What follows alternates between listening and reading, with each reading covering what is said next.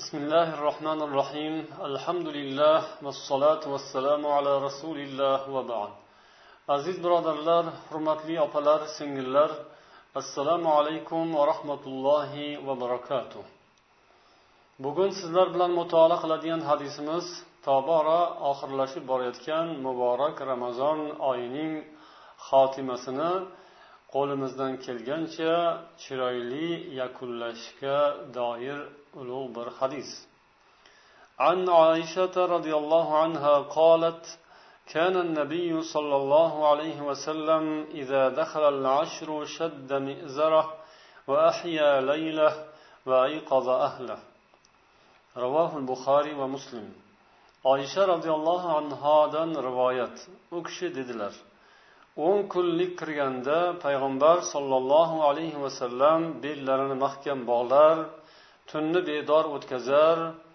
oila a'zolarini uyg'otar edilar. Buxoriy va muslim rivoyatlari. Ibn hajar rahimaulloh mana shu hadisdagi al ashirdan murod ya'ni o'n kunlik degan kalimadan murod oxirgi o'n kunlikdir deydilar. Ushbu hadisni imom buxoriy rahimaulloh oxirgi o'n kunlikdagi amal haqidagi bobda keltirganlar.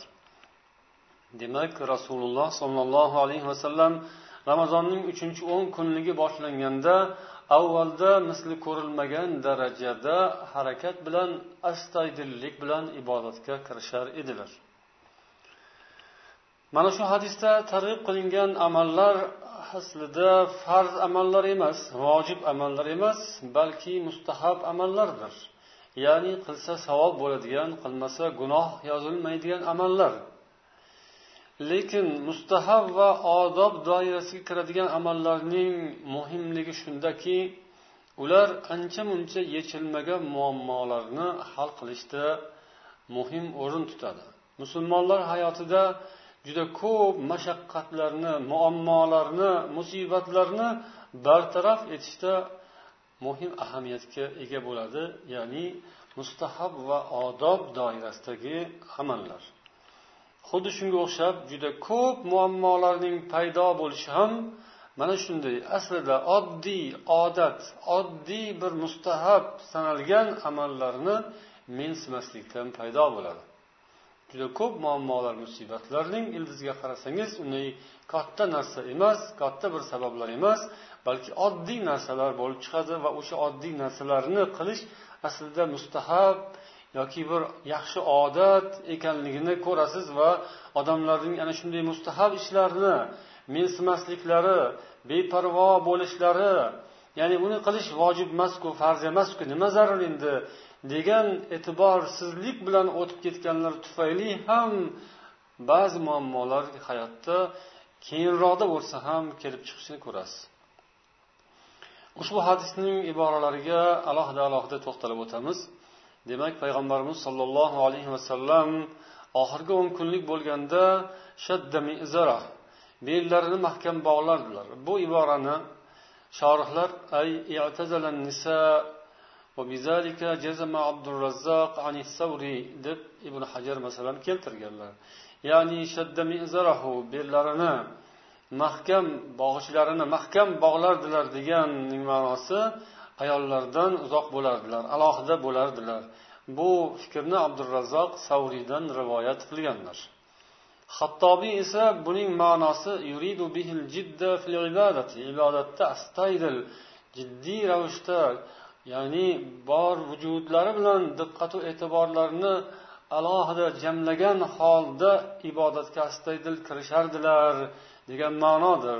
Ya'ni bir ishga kirishganda etagini shimarib yenglarini shimarib etaklarini ko'tarib degan iboralar bor. Bundan murod o'sha ishga astaydil kirishish nazarda tutilgan bo'ladi. Bu yerda tashbih yoki istiora bo'lishini aytadilar. Ammo ba'zi ulamolar esa bundan ham shunday majoziy ma'no ham haqiqiy ma'noni anglash mumkin deyishgan. Yana ochiqroq ham rivoyatlar qilingan ya'ni bir rivoyatda kelgan ya'ni bellarini mahkam bog'lardilar va ayollardan ayollar bilan xos munosabatda bo'lishdan uzoq bo'lardilar degan ochiqroq iboralar bilan ham kelgan bu hadis. Yuqoridagi aytilgan ish farz yoki vojib emas. Ya'ni ramazonning o'n kunligi bo'lganda alohida astaydil ibodatga kirishish ba'zi xos holatlardan o'zini tiyish bu vojib emas. Ammo muhim voqealar ustida biror amallar oxiriga yetayotgan paytda inson o'zini to'g'ri tuta bilishi ahamiyatga molik masala. Ayrim odamlar o'zlarining hayotda o'zlarini huquqlaridan foydalanishda qonunlarni buzmagan holatda bo'lsa ham lekin faqat odobga rioya qilmaganlari uchun o'zlarining hurmatlaridan yoki katta bir foydadan mahrum bo'lib qolishlari hayotda kuzatiladi. Inson ba'zan mustahab amallarning zamiriga chuqurroq nazar solishi kerak bo'ladi. O'zi farz yo vojib emas zarur shart qilmasang gunoh bo'ladi degan tarzda qo'yilmaydi masala. Ammo shuni qilmasangiz yaxshi bo'ladi afzal bo'ladi. Mustahab shu ham yaxshi savobli ish degan ishlarga ham e'tibor qaratish kerak. O'shalardan qandaydir bir natija oqibat kelishi mumkin. Ya'ni rioya qilsangiz ijobiy natijaga tezroq erishishingiz. Agar rioya qilmasangiz biror bir ozgina bo'lsa ham shuning asorati yoki bir alomati oqibatini ko'rishingiz mumkin. Hadis davomida yana rasululloh sollallohu alayhi vasallamning holatlarini bayon qilinadi va ya'ni va ahya layla tunlarini bedor o'tkazardilar. Kechalari toat bilan ibodat bilan mashg'ul bo'lardilar. Uyquni tark etib qoyim bo'lardilar alloh huzurida ya'ni ibodat bilan tilovat bilan istig'for bilan. Chunki deydilar ulamolar uyqu bu o'limning ukasidir yoki o'limning sherigidir. Buni endi kechasiga ham nisbat berildi ya'ni kechasini tiriltirardilar. Ahya so'zining ma'nosi lug'aviy olganda tiriltirmoq kechani tiriltirardilar. Go'yoki kecha o'lik uni tiriltirish bor. Tiriltirish nima bilan? Ibodat bilan. Uyquni tark etib ibodat qilsa inson avvalo o'zi ham go'yoki o'limdan tirilgandek ko'zini ochib ya'ni uyg'oq tirik holatda bo'lgan ikkinchidan kechani ham o'lik kechani ham tiriltirgandek bo'ladi deydilar. Yana bir hadisda rasululloh sollallohu alayhi vasallam la tajalu buyutakum quburan deganlar ya'ni uylaringizni qabristonga aylantirmangiz deganlar. Bundan murod ya'ni uyingizda uxlayverib xuddi mayitga o'xshab o'likka o'xshab ko'p uxlab uyingizni qabristonga o'xshatib qo'ymang balki uyingizda ham namoz o'qib turing ibodat qiling qur'on o'qing tilovat zikr istig'for namozlar uyingizda ham barpo bo'lib tursa uyingizga nur kiradi. Uyingiz go'ristonga o'xshab qolmaydi. Go'ristonda demak ibodat bo'lmaydi. Go'ristonda jimjit mayit o'lik hammayoq suv quygandek uy ham shunga o'xshab qolmasin. Uyning obodligi mana shu ibodat bilan va tilovat bilan bo'ladi. Yana hadisda aytiladi va ahla. Oila a'zolarini uyg'otar edilar. Ay lissolati ya'ni namozga uyg'otardilar ramazonning oxirgi o'n kunligi bo'lganda ayollarini ham boshqalarni ham uyg'otib ularni ham ibodat qilishga taklif qilardilar. imom termiziy rivoyat qilgan hadisda keladi ummu salama onamizdan lam yakun nabiy sollallohu alayhi vasallam idza baqiya min ramadona عشرة أيام يدعو أحدا من أهله يطيق القيام إلا أقامه payg'ambar sollallohu alayhi vasallam ramazonning o'n kunligi qolganda oxirgi o'n kunligi bo'lganda uylarida biror bir odamni qoldirmasdan turg'izardilar ya'ni tik turib qoyim bo'lib allohga ibodat qilishga toqati yetadigan odam bo'lsa uni turg'izardilar ibodat qilishga taklif etar edilar. Chunki inson faqat o'zini o'ylashi kerak emas. Siz faqat o'zingizni o'ylasangiz xudbin bo'lib qolasiz. Siz o'zingiz nima uchun namoz o'qiysiz? Inson nima uchun bedor bo'lib tunlari yoshlig'idan boshini ko'tarib ayniqsa mana shu ramazon oyining uchinchi o'n kunligida insonlar nima uchun alloh taologa ko'p ibodat qiladilar? Tunlari bedor bo'ladilar. Sabab sabab oxirat azobidan qiyomat dahshatlaridan qabr azobidan jahannam azobidan ozod qilishni ollohdan so'rab bu dunyoda harakat qilmoq lozim. Shuni bilganlaridan insonlar ibodat qiladilar. Shunday ekan faqat o'zlarini bilib o'zgalarni qo'yib ketaversalar to'g'ri bo'lmaydi. Bu dunyoda birga istiqomat qilasiz bir xonadonda yashaysiz yaxshi ko'rganingizdan o'zingizga yaqin olganingizdan biz birga yashaysizku. Shunday ekan nima uchun endi birga jannatga borish harakatini qilmaslik kerak? Yoki oxiratda siz jannatgayu boshqalar boshqa yoqqami? Unday emas. Olloh asrasin hammamiz birgalashib jannatga kirishimizni olloh muyassar aylasin. Alloh taoloning ibodatida bu dunyoda jam bo'lganimiz kabi uning ziyofatida ham jannatda ilohim jam bo'laylik.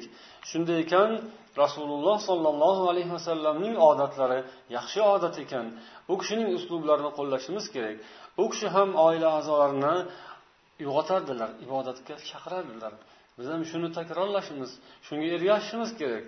Bola chaqalarimizga ahli oilamizga aytishimiz kerak oxirgi o'n kunlik bo'ldi. Oz qoldi buyog'i yaqinda ramazon tugaydi xayri xo'sh yaqinda vidolashuv yaqinda bu ramazon abadiyatga qaytib kelmaydigan bo'lib ketadi. Kelgusida keladigan ramazon olloh nasib etsa u yangi ramazon u boshqa ramazon.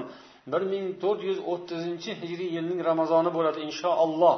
bir ming to'rt yuz yigirma to'qqizinchi ramazon bir ming to'rt yuz yigirma to'qqizinchi hijriy yilning ramazoni qaytib kelmaydi. Shuning uchun bu bilan yaxshilik ustida xayrlashish lozim. Ramazonning haqqi ko'p ibodat qilish ko'p tilovat qilish ramazonni obod qiladi ramazonni xushnud etadi. Bu bizdan lozim. Ramazon oxirlab qolganda mehmon ketishiga yaqin qolgan mahalda uning hurmatiga yana ham astaydilroq bo'lasiz.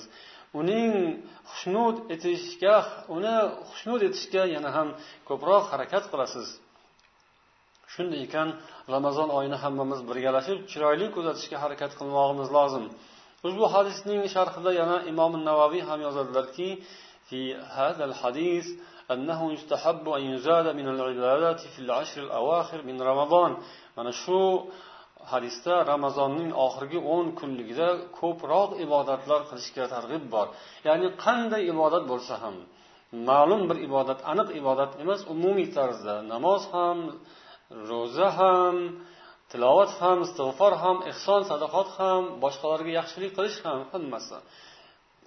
Ikkinchisi esa ramazonning tunlarini ibodatlar bilan obod qilish. ya'ni avvalgisi kunduzlarga ham taalluqli bo'lsa bunisi tunlarga taalluqlidir. Yana yozadilar imom navaviy fil hadisi al hirsu ala mudawamatil qiyam fil ashr al akhir isharatan isharatun ila al hassi ala tajvid al xotima ramazonning oxirgi o'n kunligi bo'lganda qiyomni davomiy qilish doimiy ravishda qiyomda bo'lish kechalari. Yaxshi amallarga doimiy bo'lishdan ko'zlangan maqsad bundan ishora bo'ladigan ma'no shuki xotimani chiroyli qilishga targ'ib bor. Ya'ni xotima nihoyalanishi muhim. Har bir narsaning ibtidosi bo'ladi intihosi bo'ladi. Amin deb duo qiladilar imom navaviy ya'ni olloh bizga yaxshi xotima nasib etsin. Omin hamma narsaning xotimasi bo'ladi. Hayotning ham boshlanishi bor tugallanishi bor. Boshlanishi xursandlik bilan boshlanadi. Ilohim xotimasi ham ana shunday bo'lsin. Ya'ni xotimasida mavut bor o'lim bor xafalik bor lekin u vaqtinchalik xafalik. U abadiy xursandlikka eltadigan muvaqqat xafalik. Intihosi chiroyli bo'lsin hayotni. Ana shunga ishora qilib ana shunga umid qilib ramazon oyining xotimasini chiroyli yakunlash lozim. Boshlanishi alhamdulillah chiroyli bo'ldi xursandlik bilan xushnudlik bilan kutib oldik. Mo'min musulmonlar hammalari bir birlarini tabriklagan ramazonning kelishidan shod bo'lgan holatda tarovehlar namozlarni g'ayrat bilan muhabbat bilan boshladik. Tilovatlarni alhamdulillah mana nihoyasiga yetib boryapti. Endi nihoyalangan soatlarda ham alloh taolo ana shunday xushnudlikni nasib aylasin. Ramazon oyining haqqini chiroyli ado etaylik. Shu chiroyli ado etish maqsadida oxirlab qolayotgan mahalla hushyorroq bo'lishga to'g'ri keladi. Beparvo bo'lib ha endi bo'ladida deyish demak unchalar to'g'ri emas. Ketish vaqti yaqinlashganda harakat ham kuchayadi va jiddiylik hushyorlik ham ortadi. Ramazon oyining mana nihoyasi ko'rinib qoldi. Alloh barchamizga yana alohida g'ayrat va muhabbat nasib aylasin. Rasululloh sollallohu alayhi vasallam kabi ramazon oxir bo'lganda avvalda ko'rilmagan harakat bilan muhabbat va ixlos bilan ibodatga kirishar ekanlar alloh bizga ham ana shunday chiroyli odatni muyassar aylasin. Vassalomu alaykum va rahmatullohi va barakatuh